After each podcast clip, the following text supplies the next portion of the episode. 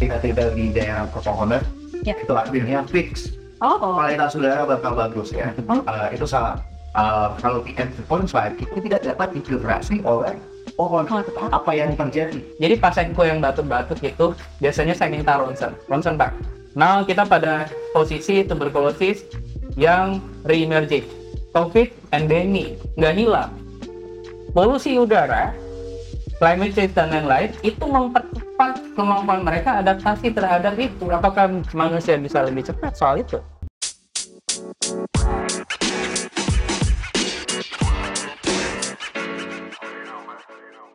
Dan beberapa tahun yang lalu, banyak warga Jakarta yang mengira kalau Jakarta sedang berkabut.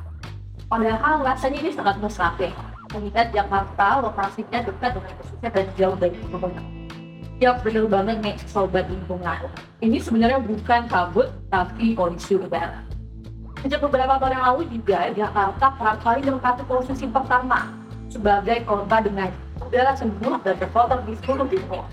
Bahkan pada tanggal 20 Agustus beberapa hari yang lalu, Jakarta menempati posisi satu dengan uh, indeks kualitas udara 191 dan PM 2,5 konsentrasinya 15 kali lipat dari yang seharusnya uh, dari ditetapkan oleh WHO.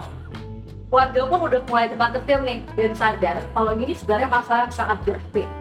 Tapi alih-alih memitigasi masalah ini, para pemangku kebijakan dan pemerintah malah uh, memberikan solusi-solusi yang sepertinya palsu dan terangkap dalam solusi normatif dari tiup aja udaranya sampai yang besar seperti penindakan PKN. Nah, pertanyaannya nih, apa yang sebenarnya harus kita lakukan dan bagaimana kita bisa mendorong pemerintah untuk memperbaiki masalah ini? Halo Sobat Lingkungan, kembali lagi di podcast Ngobrol Lingkungan bersama aku, Christine Valeria. Hari ini kita bakal membahas tentang masalah yang lagi panas-panasnya dan dibahas oleh seluruh masyarakat Indonesia, terutama warga Jakarta dan sekitarnya, yaitu polusi udara Jakarta. Hari ini tentu saja aku ditemani oleh kemudian narasumber kita yang sangat expert di bidangnya dan kita bakal mengulik ya pembahasan pembahasan tentang polusi udara. Yang pertama boleh kita kenalkan Mas Bondan. Mas. Bondan. Halo Mas Bondan.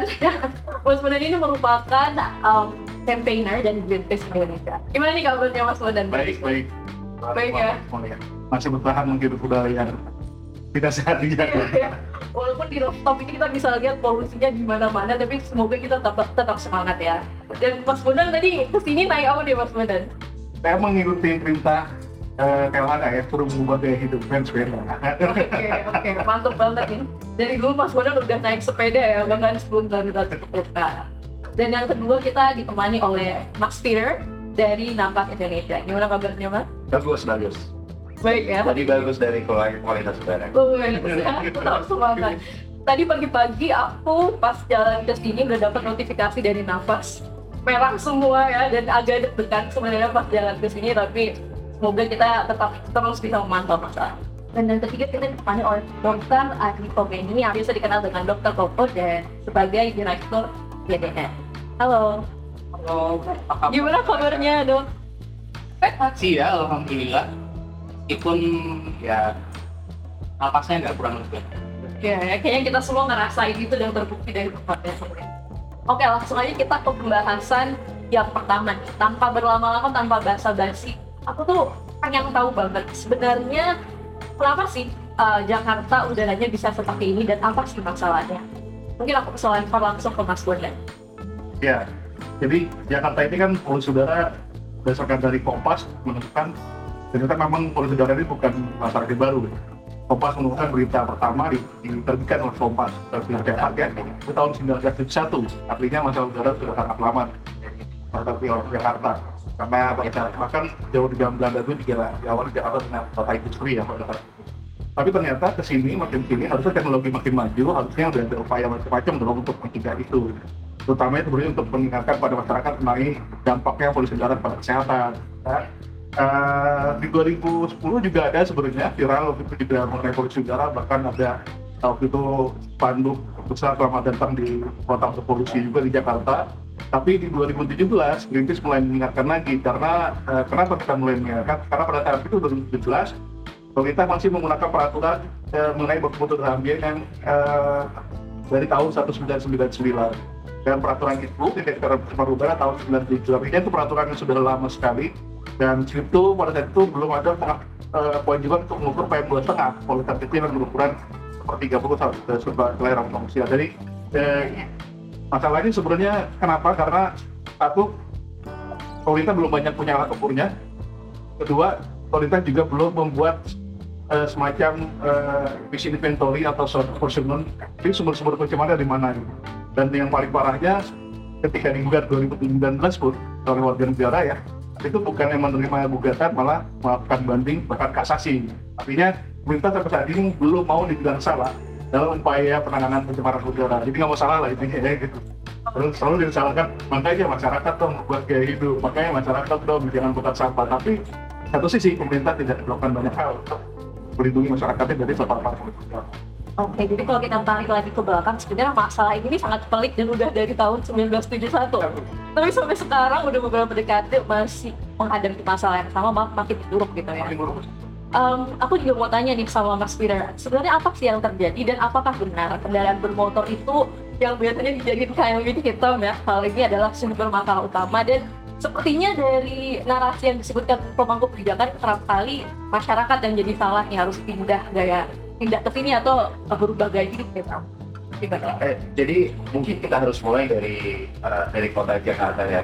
Ya. Dan um, kalau kita lihat apa yang bisa berdampak kepada kualitas udara itu ada beberapa hal. Uh, yang pertama itu um, ada sumber-sumbernya. Nah kalau kita bilang apa sumber utamanya, um, sampai kita mengadakan emissions inventory sama menjalankan source apportionment yang benar-benar tepat untuk uh, bukan cuma kota Jakarta. Kita uh, sekarang di media yang yang uh, besar-besar itu wah polusi di Jabodetabek, polusi di Jakarta, tapi Bandung polusi, Jogja polusi, Semarang polusi, Surabaya polusi. Itu dari jaringan uh, nafas di di Sumatera, Kalimantan, Sulawesi belum ada sensornya dari dari dari kita. Jadi mungkin situ ada polusinya juga. Jadi ini bukan masalah Jakarta sentrik ya, masalah untuk semua kota-kota urban. Jadi hal-hal yang kita lakukan harus bisa mengatasi uh, lifestyle kita bukan cuma di Jakarta tapi di, tempat-tempat lain ini. Itu itu yang yang yang, yang uh, pertama. Uh, yang yang kedua dari sisi kenapa kita harus melakukan source uh, emission eh, emissions inventory sama source apportionment ini karena uh, ya sekarang yang besar-besar itu oh ini ada ini ada kendaraan. Karena itu adalah sumber di depan mata kita. Kita memikirkan kendaraan wah itu kontribusinya besar karena kita kena macet dan kena di situ. Nah gue bukan eh, gue nggak bilang itu bukan terbesar ada kemungkinan seperti itu. Tapi dengan menjalankan studi ini kita bisa benar-benar lihat oke misalnya Jakarta Utara uh, mungkin penyebab utamanya pelabuhan. Kita belum tahu. Atau di daerah uh, Bogor mungkin yang pertamanya bukan PLTU tapi pabrik semen yang ada di situ. Jadi sampai kita melakukan ini uh, benar-benar bisa bisa uh, menunjukin bahwa oke kontributornya satu dua tiga dan persentase kontribusinya sekian sekian sekian sekian um, salah satu hal yang menarik juga adalah um, kondisi atmosfer sama kondisi meteorologi sama kondisi geografi itu semua pengaruh juga kepada uh, kepada polusi udara. Jadi um, ini sekarang kita uh, disebut dari BMKG di tahun El Nino di mana musim kemaraunya lebih panjang, uh, lebih panjang. Uh, di musim kemarau kenapa bisa terjadi seperti itu? Karena akhirnya tidak sebanyak uh, musim hujan Uh, dan kalau angin tidak sebanyak itu, atmosfernya jadi stabil. Jadi semua polusi yang kita memproduksikan numpuk satu tempat. Jadi um, mungkin uh, dengan adanya uh, info yang sangat sepanas ini, mungkin kita ada kesempatan untuk mengedukasikan semuanya, bukan bukan cuma kita kita uh, uh, di sini tentang sebesar apa masalah ini dan uh, jangka waktu medium sama long term kita harus melakukan apa? Oke, jadi kalau kita uh, lihat lagi sebenarnya ini masalahnya udah lama banget. Dan salah satu yang paling penting adalah data ya. Karena seperti ini masih banyak dan berangkat dari asumsi-asumsi. Nih dan juga yang paling penting menurutku sebagai anak daerah juga ya sebenarnya adalah um, bagaimana masalah-masalah seperti ini sebenarnya banyak banget di provinsi-provinsi lain. Kan memang gak ke-highlight dan kebetulan tahun ini karena kita lagi parah banget di Jakarta dan ter-highlight seperti itu ya. Ini sebenarnya juga kalau kita tarik-tarik urut bisa jadi ke masalah um, human rights juga ya uh, hak asasi manusia untuk menghirup udara segar misalnya dan uh, jangan sampai terfokus hanya pada uh, kota-kota besar. Tapi aku pengen tanya nih sebenarnya tentang transboundary uh, air pollution. Itu sering banget dibahas di Twitter dan di sosial media sebenarnya apa sih? Dan aku pengen tanya nih melayangkan pertanyaan ke Mas Peter juga. Nafas kan belakangan ini dan jadi acuan utama nih terutama bagi masyarakat Jakarta untuk melihat uh, kondisi udara Jakarta. Termasuk aku sendiri ya salah satu penggunanya yang tiap pagi dapat notifikasi udaranya sangat buruk. Aku pengen tanya transboundary pollution itu apa? Dan apa sih yang sebenarnya dilakukan oleh nafas uh, untuk mengedukasi masyarakat Uh, sebenarnya polusi udara itu nggak uh, nggak nunggu di di, uh, di bordernya kota-kota untuk masuk. Polusi Yes. udara ada di mana-mana. Jadi analogi yang paling tepat untuk bisa menjelaskan transboundary pollution itu kita ke restoran yang ada smoking sama non smoking area di dalam. Kalau kita duduk di meja non smoking area kita pasti kena asap rokok yang datangnya dari situ. Itu namanya transboundary pollution di dalam restoran. Uh, nah itu artinya um, bukan hanya sumber kehidupan mata itu yang benar-benar berdampak kepada lingkungan yang yang, yang kita ada. Uh, aku kasih satu lagi contoh dari dari luar negeri. Bulan Mei Juni Maret uh, kota New York. Itu uh, kena uh, bakar hutan. Tapi bakar hutannya bukan di New York kan itu hutannya cuma ada di Central Park. Itu bakar hutannya di Kanada yang ribuan kilometer dari uh, dari New York. So Nah, dari situ kita sudah ada banyak bukti bahwa transboundary pollution ya itu sesuatu yang terjadi uh, polusi udara tidak bawa paspor. Ya tidak bawa KTP tidak bawa paspor.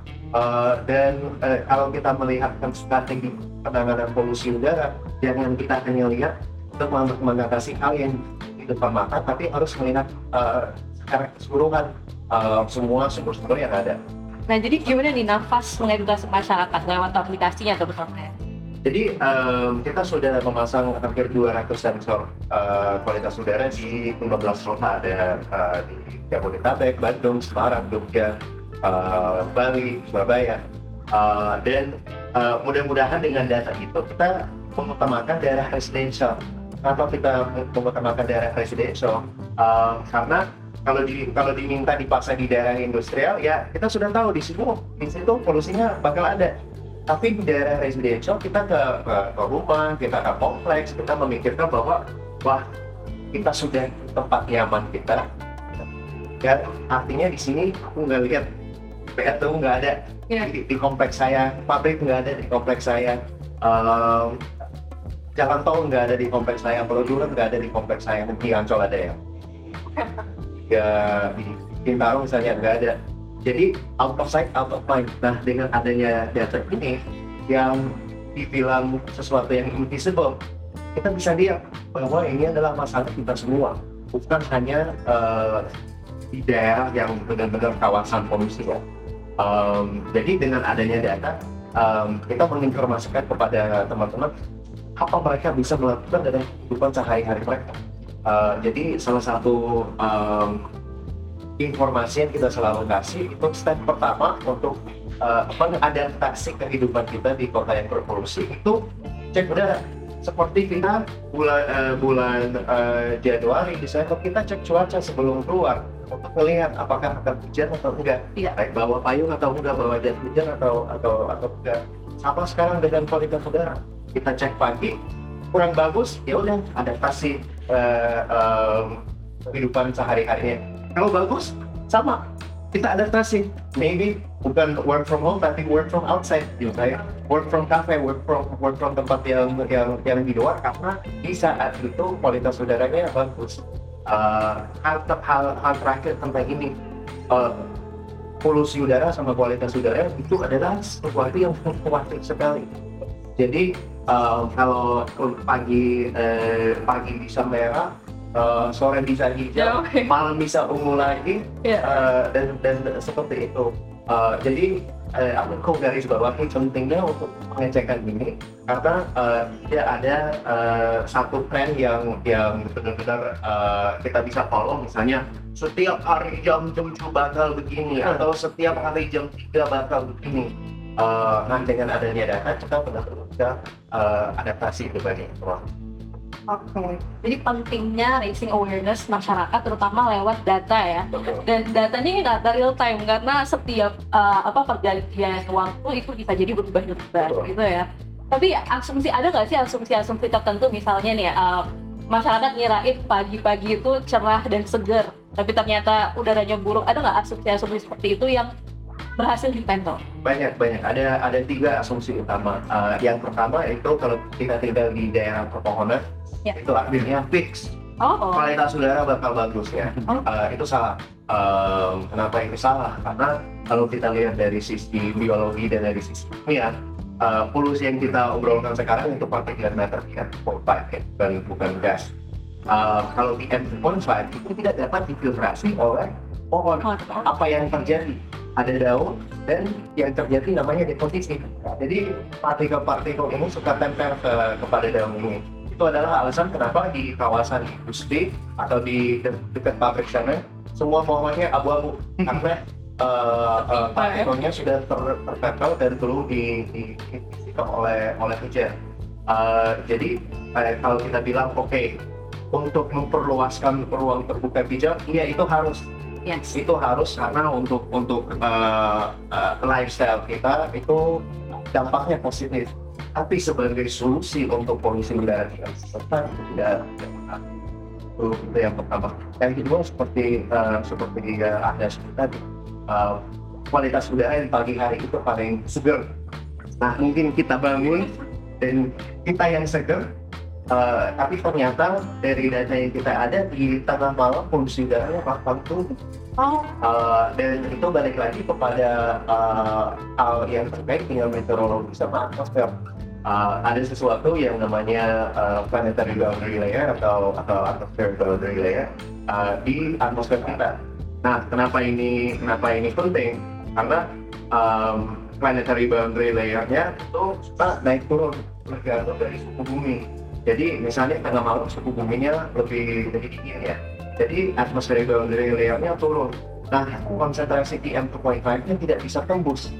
Jadi kalau ini ini uh, uh, ya, iya. kalau kalau volumenya jadi lebih kecil, tapi kalau tetapi jumlah polusinya sama, itu konsentrasinya jadi lebih tinggi. Nah, di tengah hari ini uh, boundary layernya naik. Uh, jadi uh, dari datanya yang ada, kalau kita lihat ada sama trend namanya diurnal trend.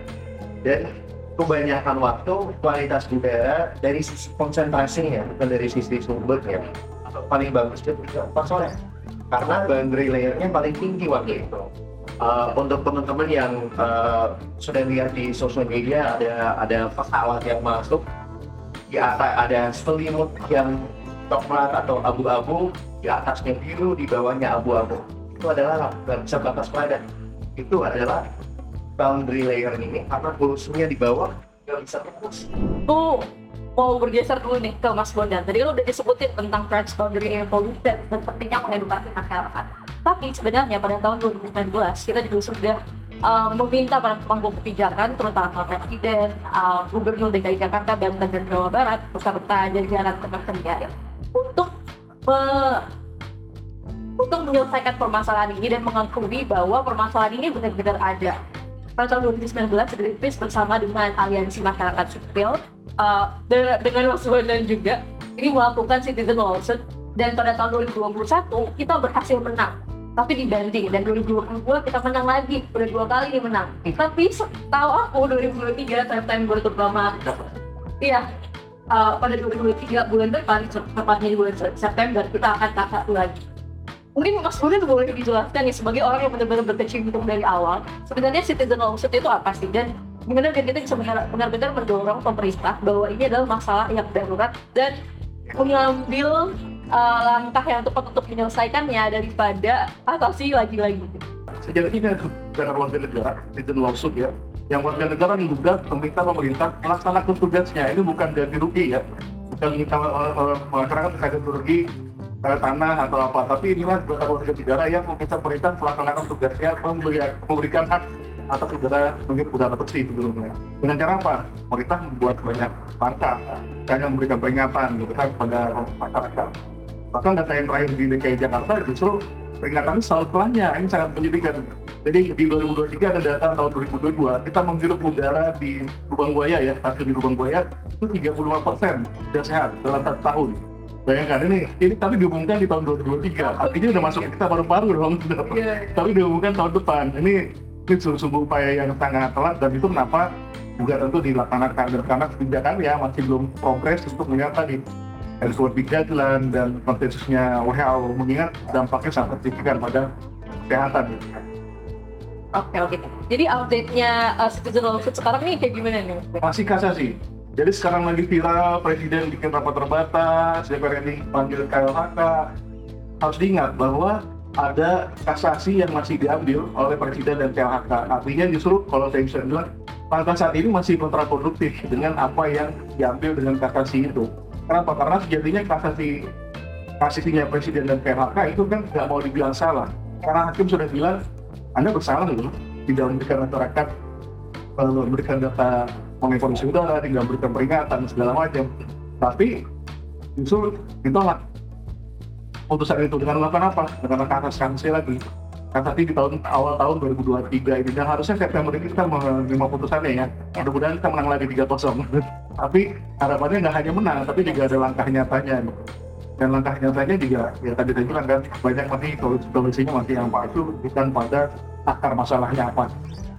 Oke. Kalau kalau kita lihat-lihat lagi sebenarnya Citizen Lawsuit ini cuma minta pemerintah buat benar-benar melakukan tugasnya ya, bukan nggak ada uh, nggak ada kompensasi atau hal-hal yang lainnya yang harus dilakukan seperti itu. Nah tadi berkaitan banget nih sebenarnya kalau misalnya dari pemerintah kita udah tuntut tapi belum berubah. Di satu sisi lainnya em, kita bisa lihat kalau Jakarta ini kan memang dikelilingi oleh sumber polutan ya. Bahkan uh, dikelilingi oleh 16 PLTU. Di Jawa dan Bali sendiri sebenarnya uh, listrik sendiri itu dikabarkan bahwa oversupply nih. Tapi kita punya banyak PLTU dan bahkan jika masyarakat ingin melakukan atau membuat panel surya sendiri di rumah masing-masing itu juga ada batasan-batasan tertentu yang sepertinya mempersulit nih dari masa dari pemerintahnya yang nggak mau disalahkan, tapi masyarakatnya pada saat ingin melakukan uh, perubahan ini juga sangat-sangat terbatas.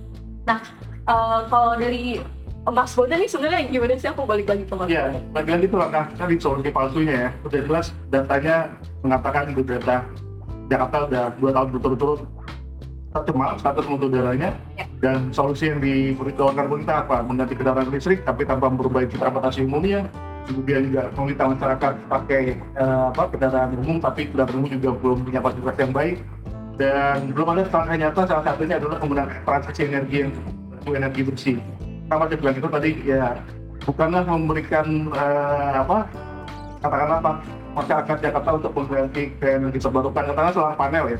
Ya. Kalau saya bilang seperti itu, di sub ada sekitar eh, 7 miliar yang dikeluarkan untuk mengganti kendaraan konvensional ini menjadi kendaraan listrik. Kenapa itu nggak dialihkan saja kepada mem- memberi subsidi kepada warga Jakarta yang masuk pakai listrik di bawah 900 sebenarnya? Yang itu tidak dikasih aja untuk, untuk pakai solar panel misalnya, sehingga mereka tidak terbebankan itu ke biaya eh, listriknya gitu terus eh, lagi-lagi kita sudah over capacity tapi justru banyak PLTU batubara yang dibangun lagi tapi di luar grid ada namanya PLTU captive yaitu di luar grid yang kita pakai ini masih dibolehkan di bawah Perpres 112 2022 jadi ini solusi solusi palsu gitu ya. Bahkan masyarakat Jakarta yang mau pasang solar panel aja itu dibatasi. Jadi batasnya adalah tidak boleh masang 10 sampai 15 persen dari kapasitas terpasang. Katakan saya punya listrik 2200 saya tidak boleh memasang listrik kapasitasnya di atas di atas 15 persen dari kapasitas yang saya pasang. Artinya kan masyarakat mau beralih nih ke keluarga tapi harus kebijakan yang merupakan lagi gitu kebijakannya bertolak belakang Nah, uh, kita bisa lihat bahwa banyak sekali sebenarnya solusi-solusi palsu, tapi kita hold dulu nanti kita akan bahas di akhir. Aku pengen balik lagi nih ke Dr. Tompo. Sebenarnya gimana sih udara kotor di Jakarta ini berdampak buruk kepada masyarakat? Tadi udah sempat disebut sedikit tentang PM 2,5. Mungkin boleh di uh, spill dikit aja, karena nanti di episode selanjutnya kita bakalan fokus ngomongin tentang kesehatan masyarakat. Jadi gini, tadi udah disampaikan sama Pak Bambang Ya. ya. bahwa there's no safe zone sebenarnya. mau angkanya berapapun mau partikulatnya apa dan terusnya resource apa source-nya dari mana polusi udara ya polusi Ya. sama kayak sampah sampah tetap berbahaya Itu. masa kayak PM2,5, PM10, PM berapa lah terusnya ya gas gas tertentu itu semua punya konsekuensi kepada kesehatan manusia dan manusia ini tidak dibeda-bedakan. Mau dia penghasilannya les 1 juta sebulan 1 sampai 5 5 sampai 10 di atas 10 kita tuh menghirup udara yang sama Sama. ya kecuali kalau anda bawa balon sendiri gitu ya. Itu tapi kan kita berhirup udara yang sama. Mau pengusahanya atau maaf buruhnya mereka dapat udara yang sama ya. Jadi kalau kita bisa koreksi situasi di mana polusi ini mengumpung kita ya itu berarti kita yang dapat kemerdekaan itu sama-sama. Merdeka dari konsekuensi buruk menghirup udara yang berpolusi itu. Risiko penyakit jantung bisa kita tekan. Risiko penyakit paru-paru kita bisa tekan. Risiko stunting bisa ditekan kenapa stunting banyak di kota? Karena polusi udara itu terkorelasi erat dengan uh, low birth weight ya. Iya. karena sirkulasi plasenta ibunya itu ya kiriman nutrisi dari ibu ke anak juga ikut terganggu. Obesitas naik kalau polusi makin tinggi. Terus anxiety anger. Jadi jadi bukan hanya sisi fisik saja tapi juga sisi psikis. Nah kalau kita bisa apa reverse ini yang tadinya kualitas udaranya mungkin merah lah ya warnanya atau apa istilah kita begitu kemudian dia menjadi oh ini lebih kuning lebih hijau dan seterusnya itu blessing untuk jutaan orang. Jutaan orang yang sama pejabat ada di situ rakyat jelata ada di situ dokter ada di situ insinyur di situ kita semua yang uh, besar. Dan karena itu tadi saya clear bahwa ini ya kita hanya satu dua stakeholder saja yang bukan ini bukan urusannya Kementerian Lingkungan Hidup saja yang kita bukan urusannya eh, Greenpeace saja ya Mas Bondan. Bukan urusannya nafas saja dan lain-lain. Bukan urusannya dokter saja bahkan karena kita menghirup udara yang sama mau dia PNS, ASN, mau dia uh, wira dan lain-lain you got same air ya Nah dari dari anjuran WHO, advisory-nya WHO itu kan ada beberapa tahapan tuh, Mas Bondan, bisa pastikan. Ada 13 tahap, jadi frame besar, jadi kayak citizennya, warganya mau ngapain? Satu, pemerintah lokalnya ada anjuran apa? Bagaimana mereka provide lingkungannya, rumahnya, housingnya. Terus yang hal-hal yang lebih besar itu dikelola lagi oleh yang punya kekuatan, kekuasaan lebih tinggi. Jadi harus sama-sama nggak bisa satu orang atau satu pihak ditinggalkan gitu ya dalam pembahasan itu. Karena kalau enggak nanti dokter kebanyakan pasien. Bukan soal semakin banyak pasien kami takut akan penata laksanaannya tidak sebaik kalau dia wah ini yang sakit batuk-batuk beda lah ya kalau jumlah yang ada di klinik kita itu datangnya cuma 10 kalau yang ada 50 itu gimana? Tapi kerasa banget ya sih dok, terutama pada saat bulan Juli Agustus ini udara terburuk kayak sepanjang Itu berat. Iya. Jadi pasienku yang batuk-batuk itu biasanya saya minta ronsen, ronsen pak. Iya. Nah kita pada posisi tuberkulosis yang re-emerging. Ya, semoga eh, saya mohon maaf kalau istilahnya mungkin keliru. COVID endemi nggak hilang. Polusi udara, climate change dan lain-lain itu mempercepat kemampuan mereka adaptasi terhadap itu. Apakah manusia bisa lebih cepat soal itu? Begitu minta foto ronsen, loh, kok ada radang parunya nih? Radang paru kan penyebabnya banyak ya. Bisa polusi, bisa vape, eh, bisa rokok ya, bisa rokok ya kan, bisa covid itu sendiri, bisa sepupunya virus lain, barangkali bisa bakteri. anything. Tapi kok polusi udara yang mengungkung kita itu mempercepat perburukan ini semua dan menghambat pemulihannya. Jadi orang-orang yang kita treat misalnya TBC, kita punya target yang bulan Desember. Tapi karena dihajar terus paru-parunya dengan polusi yang lain, akan pulih jadi Yes. Oh. kan bisa jadi 9 bulan masa pengobatan itu kan kalau dia tahan. Atau hukumannya jadi nggak kebal jadi banyak sekali dampak di belakang yang sebenarnya harus diselesaikan di awal. Prevensi penyakit promosi kesehatan. Di sini semua orang duduk duduk rukun. Itu sih yang kan jadi jangan ya citizen itu membuktikan bahwa argumen dari teman-teman Greenpeace itu mantap bisa diterima oleh hakim. Tapi kemudian ya tadi sama itu terus implikasinya apa setelah itu? Dia kan cuma seperti semacam dorongan moral aja kan mas ya. Pada akhirnya ini harus bicara realnya apa nih moralnya udah ada realnya mau ngapain sih kan because we back in same birth same country same cities. Mau kira-kira itu Nah, um, aku mungkin mau langsung tanya aja ke Mas Bondan, terutama mengenai solusi semua yang sekarang ada dan sebenarnya best practice seperti apa nih yang harus kita ambil? Ya, solusi nyatanya tadi yaitu yang Peter bilang harus ada data, buka datanya ke publik. Kalau itu memang transportasi, berapa persen sih transportasi dan apa yang dilakukan untuk mitigasi eh, transportasi itu. Kemudian selain transportasi pasti ada data yang lain, sumber yang lainnya. Dan itu bukan pada masyarakat saat ini mungkin orang nggak tahu ada berapa sih industri di Jakarta, ada berapa terowong sih yang ada gitu, legal dan ilegal.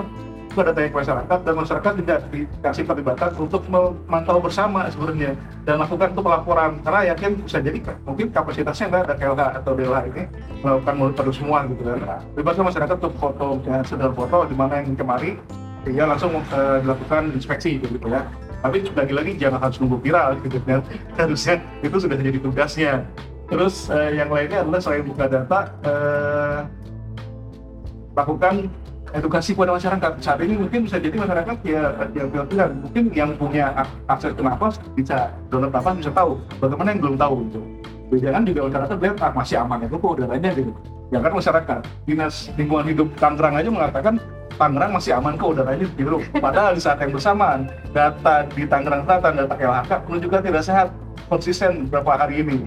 Jadi itu juga ya harapannya satu yang paling penting tidak denial ya pemerintah ya bahwa ini datanya valid dan harus melakukan langkah nyata dan edukasi pada masyarakat. Jangan yang telat harus ada bikin semacam early warning systemnya. Apa yang harus dilakukan masyarakat ketika tidak sehat bukan membantah lagi datanya. Kemudian yang terakhir adalah eh, bagaimana melibatkan semua pihak. Jadi itu yang paling penting. Jadi nggak bisa Jakarta sendiri betul. Harus ada eh, negara tetangga Jakarta ke provinsi tetangganya tetangga, Jawa ya. Barat Banten juga terlibat jadi eh, bisa jadi Jakarta mungkin transportasi ada sumber utama. Karena nggak ada industri PLTU batubara misalnya tapi ada industri yang lainnya. Tapi bisa jadi yang paling besar ada dari luar misalnya industri luar Jakarta. Karena bicara udara kan bisa ada pengaruh dari faktor anginnya kita punya angin barat angin timur dan itu hanya bergantian aja tuh musimnya nih. Nanti bisa jadi yang dari timur masuk ke Jakarta dari barat juga masuk ke Jakarta tergantung arah angin kan sebenarnya. bahkan Jakarta juga menyumbang polutan transportasi keluar Jakarta gitu kan. Ya. tapi ini kan datanya nggak pernah dibuka ke masyarakat. Orang kayak menyalahkan lagi. Bukan kok ini enggak tapi bukan dulu pada masyarakat sehingga eh, terbuka transparan gitu ya. Dan kita tahu. Dan ini soal polusi tidak lagi. Saatnya kita berdebat dan katakan Dr. Koko tadi saatnya kita butuh tindakan nyata lakukan bersama dan eh, lagi-lagi jangan menang membantah. Dan yang paling penting kasasinya dicabut dong. Yang penting dari presiden. Itu itu yang membuat anda merasa kayak nggak mau disalahkan gitu. Padahal hakim sudah mengatakan ada salah Oke, jadi jangan denial gitu ya. Jadi kita ambil langkah untuk benar-benar berkomitmen menghadapi permasalahan ini.